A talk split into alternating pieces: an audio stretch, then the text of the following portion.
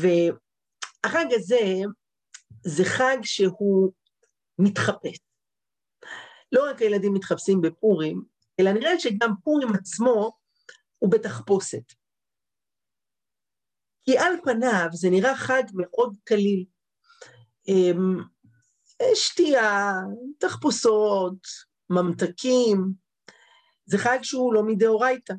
היסוד שלו זה מדברי חכמים, אמ, ולמרות שאומרים אה, על הניסים ועל הפורקן ושעשה ניסים לאבותינו, כל הסיפור של פורים זה סיפור שהכל בו טבעי לגמרי. כלומר, תחפש במגילת אסתר, אתה לא מוצא שם שום אה, נס על-טבעי, כמו שאתה מוצא בפסח, או בכל מיני אה, אירועים תנכיים אחרים. מין טלנובלה פרסית על תככים ומאבקים בארמונו של המלך.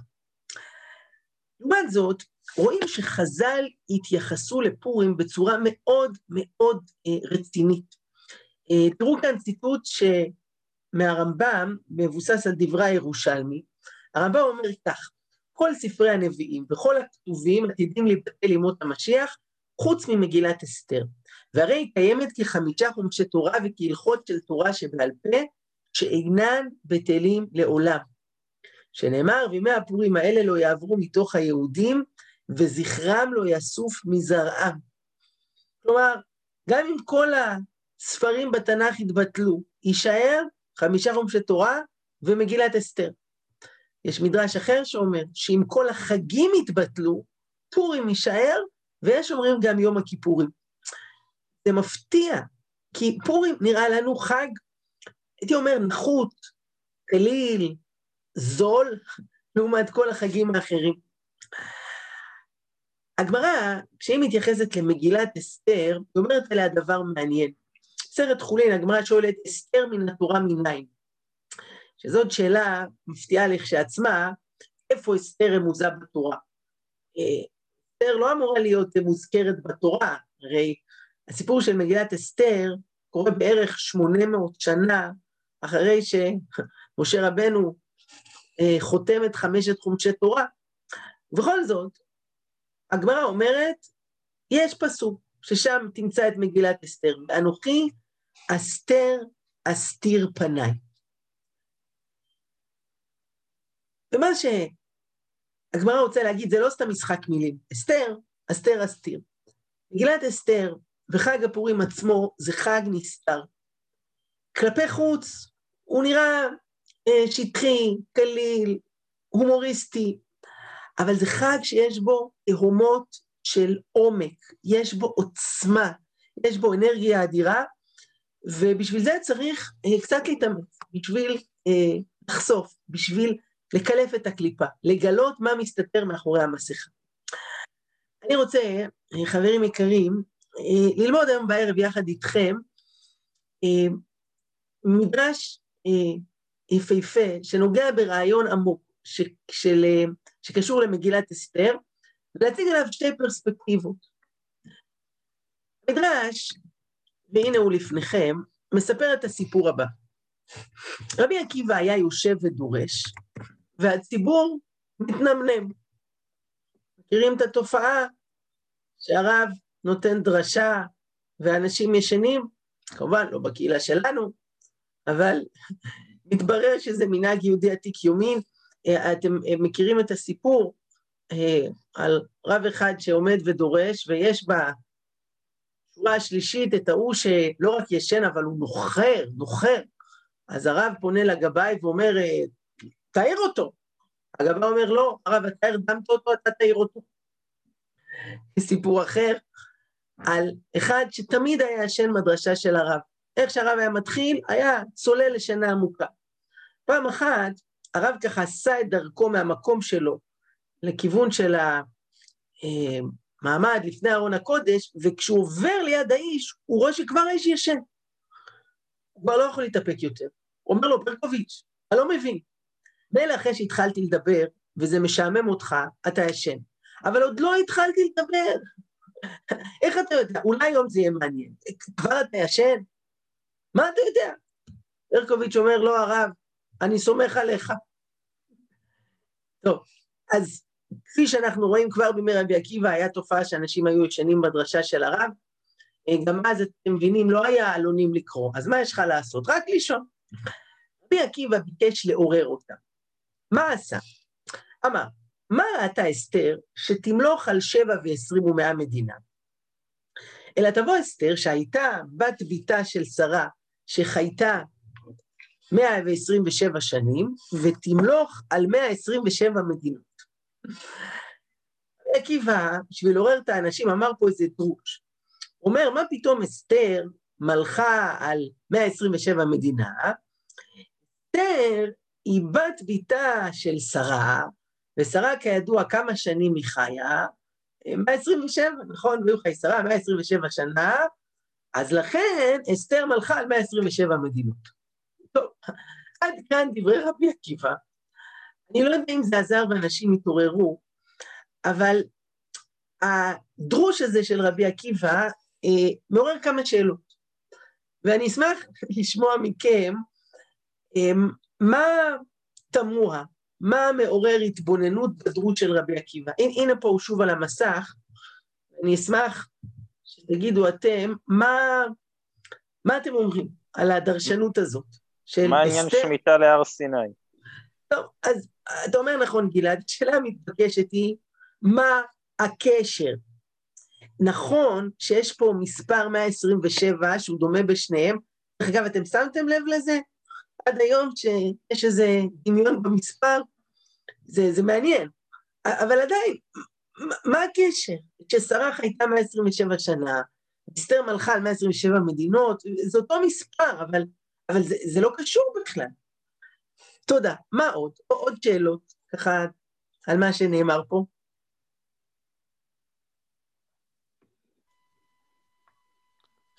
אולי, אולי אה, מה שהיה על אסתר בכלל, כאילו היא לא קבעה על מי למלוך, איפה למלוך, על מה למלוך. כן, כלומר, הביטוי הזה, מה ראתה אסתר? כאילו זאת הייתה איזו בחירה מודעת שלה למלוך על 127 מדינות. כידוע, אסתר בכלל לא רצתה להיות מלכה. לקחו אותה בעל כורחה, ובסוף מתברר שבעלה אחשורוש הוא מולך על 127 מדינות. אבל זה לא שהיא בחרה בזה. כלומר, אז מה זה הביטוי הזה? מה ראתה אסתר? זה, זה לא שהיא ראתה, ככה יצא. עכשיו, אה, דרך אגב, אה, אפשר גם אותו דבר להעיר לגבי שרה. זה ששרה חייתה 127 שנה, זה גם לא היה תלוי בה. היא מבחינתה הייתה רוצה לחיות גם 200 שנה. אה, חז"ל אומרים, שרה מתה בגלל שהשטן פתאום סיפר לה על העקדה, והיא נבהלה מה, מהבשורה, אבל המספר של השנים שלה זה לא היה, זה לא היה תלוי בה, פשוט ככה נגזר משמיים. מה זה, כאילו זה משהו בכירי, היא בחרה ככה, היא בחרה ככה, זה מתאים. לא, פשוט ככה יצא. אני אוסיף פה שאלה נוספת, מה שאומרים כאן, שאסתר הייתה בת ביתה של שרה, תראו, באותה מידה, אני יכול להגיד גם על אשתי, שהיא בת ביתה של שרה, וגם כל אישה יהודייה, גם היא בת ביתה של שרה. כלומר, מה פה הייחוס הזה? שאסתר היא בת ביתה. כל בנות ישראל הן צאצאיות של אברהם אבינו, של שרה אימנו, בסדר, מה הייחוס המיוחד הזה? ואני אגיד פה הערה אחרונה, אה, ואז נציע את התשובות, למה רבי עקיבא בחר לעורר אותם דווקא בדרוש הזה? אה, תראו, אני יכול להגיד לכם בתור רב, שלפעמים אומר שיחות לאנשים, כשאתה רואה שאנשים קצת אה, מאבדים קשב, איך מעירים אותם, אה? התנסיתם פעם לתת איזה פרזנטציה? סיפור. הרצאה. אז סיפורים זה מעולה. אנשים מאוד אוהבים סיפורים, גם ילדים, גם מבוגרים. איך עוד מעירים אנשים? משנים את הטון של הדיבור. כן, באינטונציה, לשנות את ה... ברטוריקה, כל מיני דברים ככה שתעוררו את האנשים. אה, או לטעות במשהו. מה, מה זה? לטעות במשהו, כדי שיתקנו אותך, וזה גם אה, מדליק אנשים. אה, טוב, גם זה, יש במקורות על כאלה שהטעו את התלמידים בשביל אה, לחדד אותם, נכון? אני בודק ערנות, כמו שהמורה אוהב לומר. כן. מתחיל לפנות לאנשים אישית. אז רגע, רגע, שנייה אחת יוסי, לגבי הדבר האחרון, לפעמים בבית אתה מדבר אל הילדים וכאילו לא שומעים. ואז פתאום אתה אומר, אוקיי, אז אתם רוצים גלידה וניל או שוקולד? פתאום אתה רואה איך האוזניים מזדקפות, מתברר שהם דווקא שומעים מצוין. כן, יש כל מיני דרכים לעורר את הקשב. יש גם להגיד אה, לקראת סיום, אני רוצה לסיים, זה גם מעיר את האנשים. כן, רק הבעיה שכבר אומרים את זה יותר מדי, ולסיום, אז בואו נסכם. אה, אתה אומר, יוסי, לפנות אישית לאנשים. אה, אני זוכר באופן טראומטי משיעורי אנגלית, היה לי מורה מפחיד. זוכר, בשיעור הראשון, כיתה ט', הוא הציג את עצמו, שלום, לי קוראים מלאך המוות. הוא הציג את עצמו. עכשיו, הוא, הוא באמת היה מפחיד. והיית חייב להיות דרוך בשיעור שלו, כי פתאום הוא היה אומר, אה, כהן, קדימה, תקרא. והיית צריך כל הזמן להיות בהיקון, שהוא לא יפיל עליך, שאתה תדע מה לענות. אה, מי שיש לו חוש הומור, בדיחות זה מעולה לעורר אנשים. אה, אתם יודעים מה אומרים שכלל אצל דרשנים, סיפור אפשר לחזור עליו אחרי שנה. כי במשך שנה עוד אנשים זוכרים. בדיחה אפשר לחזור עליה אחרי שנתיים. ודבר תורה אפשר פעמיים באותה דרשה. בכל אופן, רבי עקיבא, אה, הוא יכול לעשות הרבה דברים. למה כשהוא רואה אנשים ישנים, הוא מספר להם דווקא את הדבר הזה? אפשר הרבה דברים לספר. מה, מה אה, מיוחד בדרוש הזה על אסתר? אה, דרך אגב, האירוע הזה היה בפורים שהוא דרש להם את זה? לאו דווקא, לא כתוב. כלומר, יכול להיות שזה היה בחודש אב, יכול להיות שזה היה בטבת. מה הוא מפיל עליהם עכשיו את מגילת אסתר? אני מבקש לענות על השאלות ששאלנו, אה, לתת כאן שתי תשובות, שני כיווני מחשבה, ורוצה גם לתת את הקרדיט ככה ממי אה, מי פתח אותי אליהם.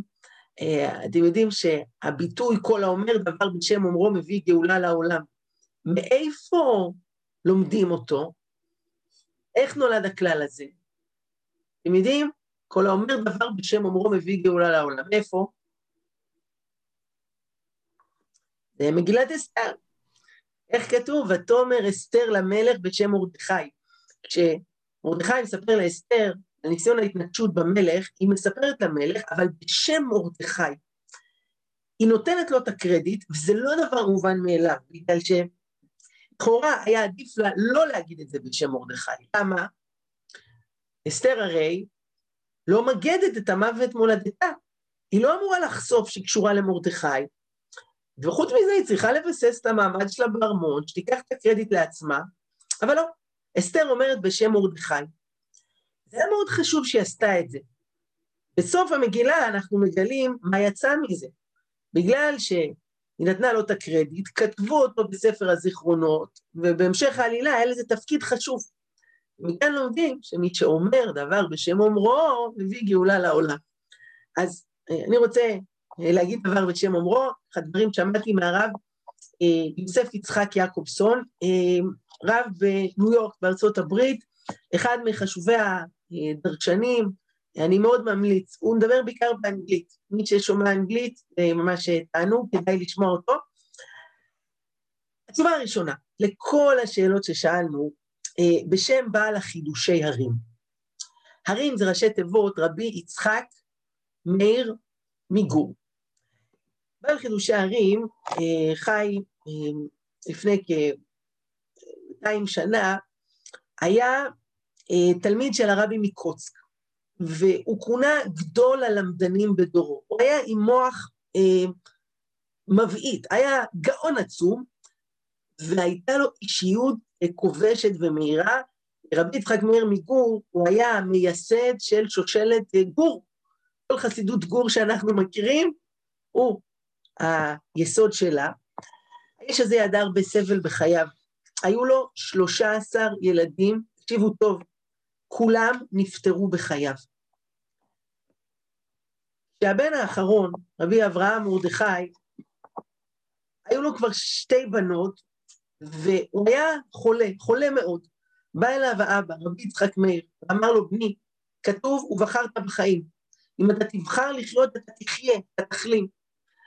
רבי אברהם מרדכי החליט לבחור בחיים, והוא החלים מאותה מחלה, ואז נולד לו הבן, שלימים זכה לכינוי השפת אמת, שהוא היה בעצם היורש והממשיך של אה, שושלת גור, אה, אחרי כמה שנים אבא נפטר, והנכד הזה גדל על ברכי הסבא, רבי יצחק מאיר מגור. אני אגיד עליו עוד דבר אחד, כשנפטר אחד הילדים, ואשתו התייפחה בבכי. אתם מבינים, ילד אחרי ילד, זה לא היה כמו היום, יש לך אנטיביוטיקה, יש לך תרופות. פעם הייתה תמותה אדירה של ילדים, גם מדברים פשוטים כמו דלקת ריאות. הוא אמר לה, תראי, לפחות כשלמישהו תהיה צרה, הוא יוכל להתנחם ולהגיד, נו, גם ליצחק מאיר, לאשתו היו 13 ילדים והם נפטרו, אז אנחנו עוד בסדר. כלומר, שאנשים ימצאו איזה חיזוק בזה שיכול להיות יותר גרוע, כמו שקרה ליצחק מאיר, אנחנו עוד בסדר. רבי יצחק מאיר מגור אומר פה רעיון יפהפה על הדרוש הזה של רבי עקיבא, והנה אני אעזר אותו פה שוב על המסך, הוא אומר את הדבר הבא. מה שרבי עקיבא רצה ללמד את האנשים זה כך, אם, ותהיו איתי פה בחשבון, אם 127 שנים של שרה, זה כנגד 127 מדינות של אסתר, זה אומר שכל שנה זה כנגד מה? מדינה. זה אומר שכל חודש זה כנגד אה, מחוז באותה מדינה. זה אומר שכל שבוע זה כנגד איזה עיר באותה, באותו מחוז.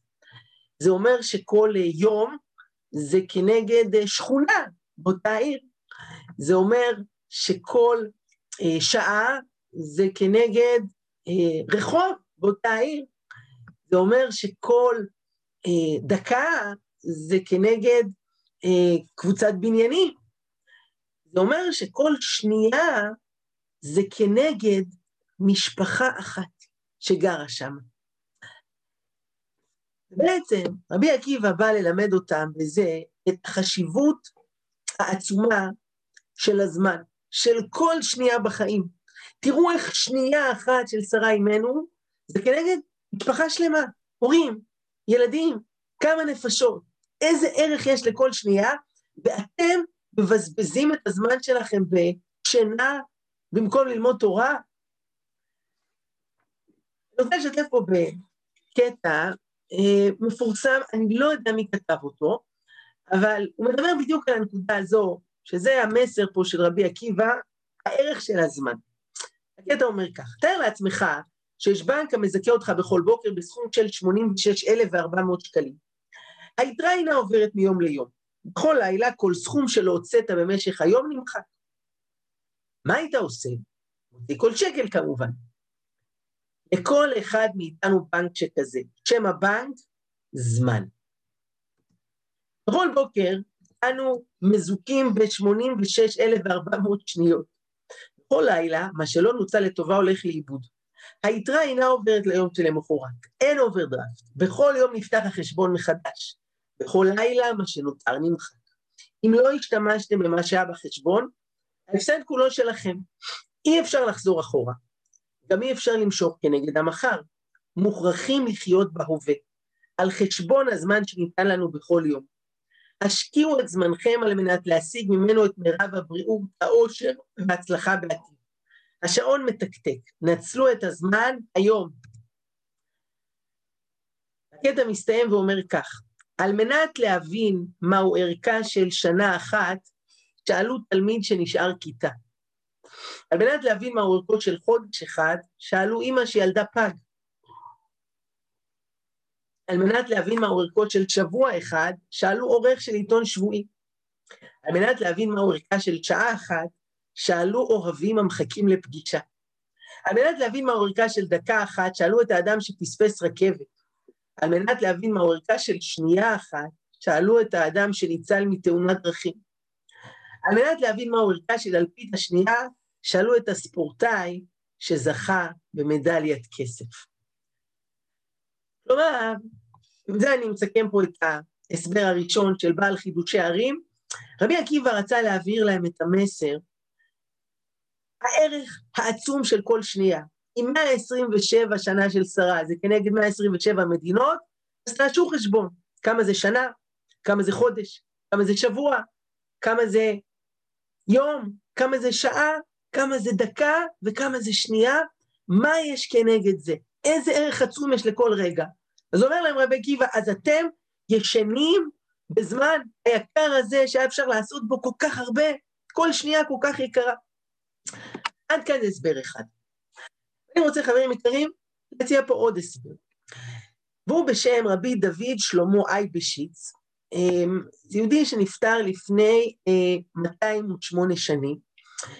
הוא היה אה, אדמו"ר, אה, פוסק, תלמיד חכם חשוב בפולין, החליט לעלות לארץ ישראל. זה היה בתקופה שהייתה העלייה של תלמידי הגר"א, אמנם היה שייך לאגף החסידי, אבל הוא עולה לארץ, קובע את מושבו בצפת, והאיש מוותר על האדמו"רות, מוותר על הרבנות, הופך להיות מלמד תינוקות. מורה ותלמוד תרא, ילדים קטנים, העיקר לחיות בארץ ישראל בפשטות ובצניעות. הוא כתב ספר שקוראים לו ערבי נחל, ספר שיש בו דרשות על פרשת השבוע, ובדרון שלו על פרשת חיי שרה, הוא שואל שאלה גדולה. כידוע, הפרשה מתחילה, אה, טוב, יש לנו פה את יהושע בעל הקורא, הוא כבר יודע עם הטעמים להגיד לנו אפילו, והיו חיי שרה מאה שנה, ועשרים שנה, ושבע שנים, שני חיי שרה. והשאלה פה על הכפילות ועל החזרתיות מהשנה, עשרים שנה, שבע שנים, ובסוף עוד פעם חוזרים שני חיי שרה. למה החזרה הזאת? רש"י עונה על כך בשלוש מילים. הוא אומר, אומרים כל פעם שנה, שנה, שנה, להגיד שכולם שווים לטובה. וכך שואל רבי דוד שלמה אייבשיס את השאלה המתבקשת. הוא אומר לרש"י, תגיד, אתה צוחק עלינו? אתה מדבר באירוניה? איך אפשר להגיד על שרה אימנו שכל החיים שלה שווים לטובה? הרי האישה הזאת, היו לה חיים לא פשוטים בכלל. 90 שנה היא הייתה הכרה. היא צריכה לנדוד עם בעלה אה, ממקום למקום. היא יורדת איתו למצרים, לארץ פלישתים, המלך חוטף אותה וכמעט פוגע בה, מנצל אותה. בלית ברירה היא מכניסה את שפחתה כאישה לבעלה, והיא מזלזלת בה, והבן שלה משפיע על אה, יצחק, ובסופו של דבר לוקחים לה את הבן לעקדה בלי שהיא יודעת, וכשהשטן מבשר לה את הבשורה פורחת נשמתה, אה, איך אפשר להגיד על החיים של שרה כולם שווים לטובה? על החיים מרים, כל כך הרבה ייסורים, תהפוכות, זה שווים לטובה? היא לא לקיקת דבש, היה לה חיים קשים. אומר רבי דוד שלמה אייבקשיץ, יסוד עצום, הוא אומר, שווים לטובה אין הכוונה מבחינת מה שקרה לה בחיים. הכוונה מבחינת איך שהיא התייחסה למה שעבר עליה. שרה אימנו, בגדולתה וצדיקותה, עם כל מה שקרה לה, תמיד הייתה אישה מלאה באמונה, מלאה בדביקות, מלאה בעוצמה, מלאה בשמחה. היא לא נתנה לשום דבר מהפוכות הזמנים להטביע אותה, להפיל אותה, לרסק אותה. לא משנה מה קרה, מה הזמן הביא עליה. כל השינויים, העליות והמורדות, היא תמיד התייחסה, היא תמיד קיבלה באהבה, היא הייתה תמיד לטובה. לא, לא, לא הזמן, קרו לה דברים קשים, אבל היא התייחסה להכל לטובה. ככה היא קיבלה את כל מה שבא עליה. זה הכוונה, כולם שווים לטובה. לא מבחינת מה שקרה, אלא מבחינתה, איך שהיא קיבלה את הדברים. הנקודה הזאת היא כל כך חשובה, כי יש נטייה לאנשים להגיד, עכשיו אני בתקופה לא טובה, עכשיו בתקופה קשה, אני צריך לעבור את המבחנים, אני צריך למצוא עבודה, אני צריכה להתחתן, אה, אני צריכה לעבור את ההיריון, אה, צריך לסיים את הטירונות, צריך לגמור עם הקורונה. שמעתם את האמירות האלה? את הקול הזה שאומר, זאת שנה אבודה. נעבור כבר את הקורונה, נחזור לחיים האמיתיים. ואז האכזבה הגדולה היא שפתאום אתה מגלה שכשנגמר הגל הנוכחי, מה קורה? מגיע הגל הבא, והסגר הבא, והנגיף הבא. תגידו, יש לנו איזו הבטחה שאחרי הקורונה לא תבוא איזה סינדרלה אחרת? לא תבוא איזה מגפה אחרת? חלילה, לא רוצה לפתוח פה לשטן, אבל באמת אין לנו מושג איזה מוטציה, איזה דברים יקרו. מי שיבנה על אחר כך, על מחר, על כאשר השתנו הנסיבות אז, יכול להעביר 120 שנה מהחיים שלו בציפייה ש... והלימוד פה, משרה אימנו, זה שהחיים זה עכשיו, לא לחכות לשום דבר אחר, כולם שווים לטובה, כולל הקורונה. האם זאת הייתה שנה אבודה? האם הפורים הזה, שייכנס עוד פחות מיומה, הולך להיות פורים גרוע, פורים סוג ב', או שאנחנו נדע, כמו שרה אימנו, שזה יהיה פורים סוג א', שופרה ושופרה. למה? כי זה הפורים שהקדוש ברוך הוא ארגן לנו, וכנראה זה הפורים הכי נכון, הכי מדויק, שיבוא עלינו ועל כל ישראל לטובה. זה לא רק פורים. האם החיים זה חיים של בדיעבד, זה חיים של רק נעבור את ואז, או כאן, עכשיו, היום, המקום אשר אתה עומד עליו, אדמת קודש הוא. לא לחפש אה, זמן אחר, מקום אחר, כאן ועכשיו. עד כאן, על שרה אימנו, ופה אני רוצה לעבור לאסתר. הרי אני, אני מזכיר, אנחנו התחלנו פה מהשאלה, מה זה הדרוש המוזר הזה של רבי עקיבא, שאסתר היה לה 127 מדינות, כמו שרה שהיה לה 127 שנים. אמרנו, מה, מה, מה הקשר? רבי דוד שלמה אייבשיץ אומר, רעיון עמוק. מה ששרה עשתה במרחב של הזמן, אסתר עשתה במרחב של המקום. כלומר, אבל הרשע בא ואומר למלך, יש שם אחד מפוזר ומפורד בין העמים, הוא נמצא בכל העולם, הוא איבד את הדרך שלו, הוא בהרבה ארצות, בהרבה תרבויות, הוא מנותק, הוא מפורד, הוא מרוסק. כנגד זה בא אסתר ואומרת, לך כנוס את כל היהודים. נכון, הם גרים בהרבה ארצות, הם חלק מהרבה תרבויות, יש להם צבע עור שונה אפילו, אבל הם עם אחד ונשמה אחת, הם בהרבה מקומות, אבל כל היהודים הם דבר אחד, הם עם אחד. את מה ששרה אימנו, כך אומר רבי דוד שלמה אייבשיט, עשתה במרחב של הזמן, שכל הזמנים הם מבחינתם לטובה, עושה רבי עקיבא, עושה, סליחה, אסתר, במקום. היהודים שבכל המקומות השונים, הרוסים, האתיופים, היהודים מפולין, מצרפת, מעיראק, כולם עם אחד, נשמה אחת. כנוס את כל היהודים, כולם זה דבר אחד. וכאן מגיע רבי עקיבא ומוסיף את המימד השלישי. תראו, יש ספר אה, קבלה מפורסם שקוראים לו ספר יצירה. יש שמייחסים אותו לאברהם אבינו, יש שמייחסים אותו אפילו לאדם הראשון, ושם נאמר שבעולם שלנו יש שלושה מימדים, ראשי תיבות עשן, שזה עולם, שנה ונפש. נתרגם את זה לשפה שלנו, עולם זה המימד של המקום. שנה זה המימד של הזמן. נפש זה המימד של האדם. אומר, רבי בשיץ, שרה אימנו איחדה את מימד המקום, העולם. אה, סליחה, כן, אסתר. אסתר איחדה את מימד המקום. יהודים בכל המקומות, כנוס אותם. כולם, למרות השינויים, ההבדלים הגיאוגרפיים, התרבותיים, עם אחד, נשמה אחת, כנוס את כל היהודים. שרה אימנו איחדה את מימד הזמן. בכל הזמנים הטובים והרעים שבאו עליה, כולם שווים לטובה. כאן בא רבי עקיבא ואיחד את המימד השלישי, שזה מימד הנפש, האדם. רבי עקיבא חי בתקופה שהיה מאוד קשה להיות יהודי. היה שלטון רומאי, היה איסור ללמוד תורה.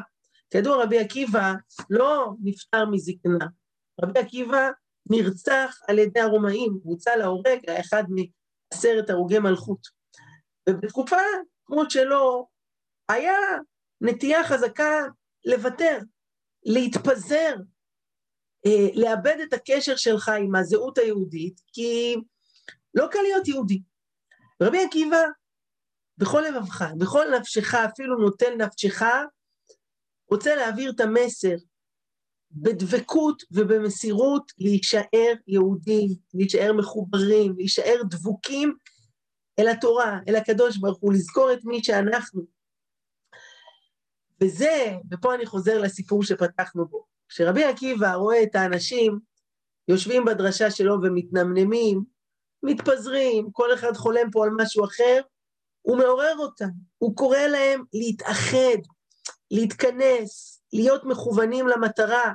יהודים, אל תלכו, אל תתפזרו. תזכרו את שרה אימנו, היא חדה את הזמן. את אסתר, שאיחדה את כל המקומות, את היהודים מכל קצווי תבל, כנוס את כל היהודים, ואנחנו, גם בדור שכזה, להתעורר, להתרכז, להתחבר לתורה, להתחבר להשם, זה מה שאומר להם רבי עקיבא, האיחוד בממד השלישי. הקריאה היהודית הגדולה זה קריאה של האחדות, שמע ישראל השם אלוקינו, השם אחד, מבט אחדותי, כל הזמנים, כל המקומות, כל המצבים, כל הנפשות, הכל מתחבר לאמונה אחת, למטרה אחת, לאלוקים אחד.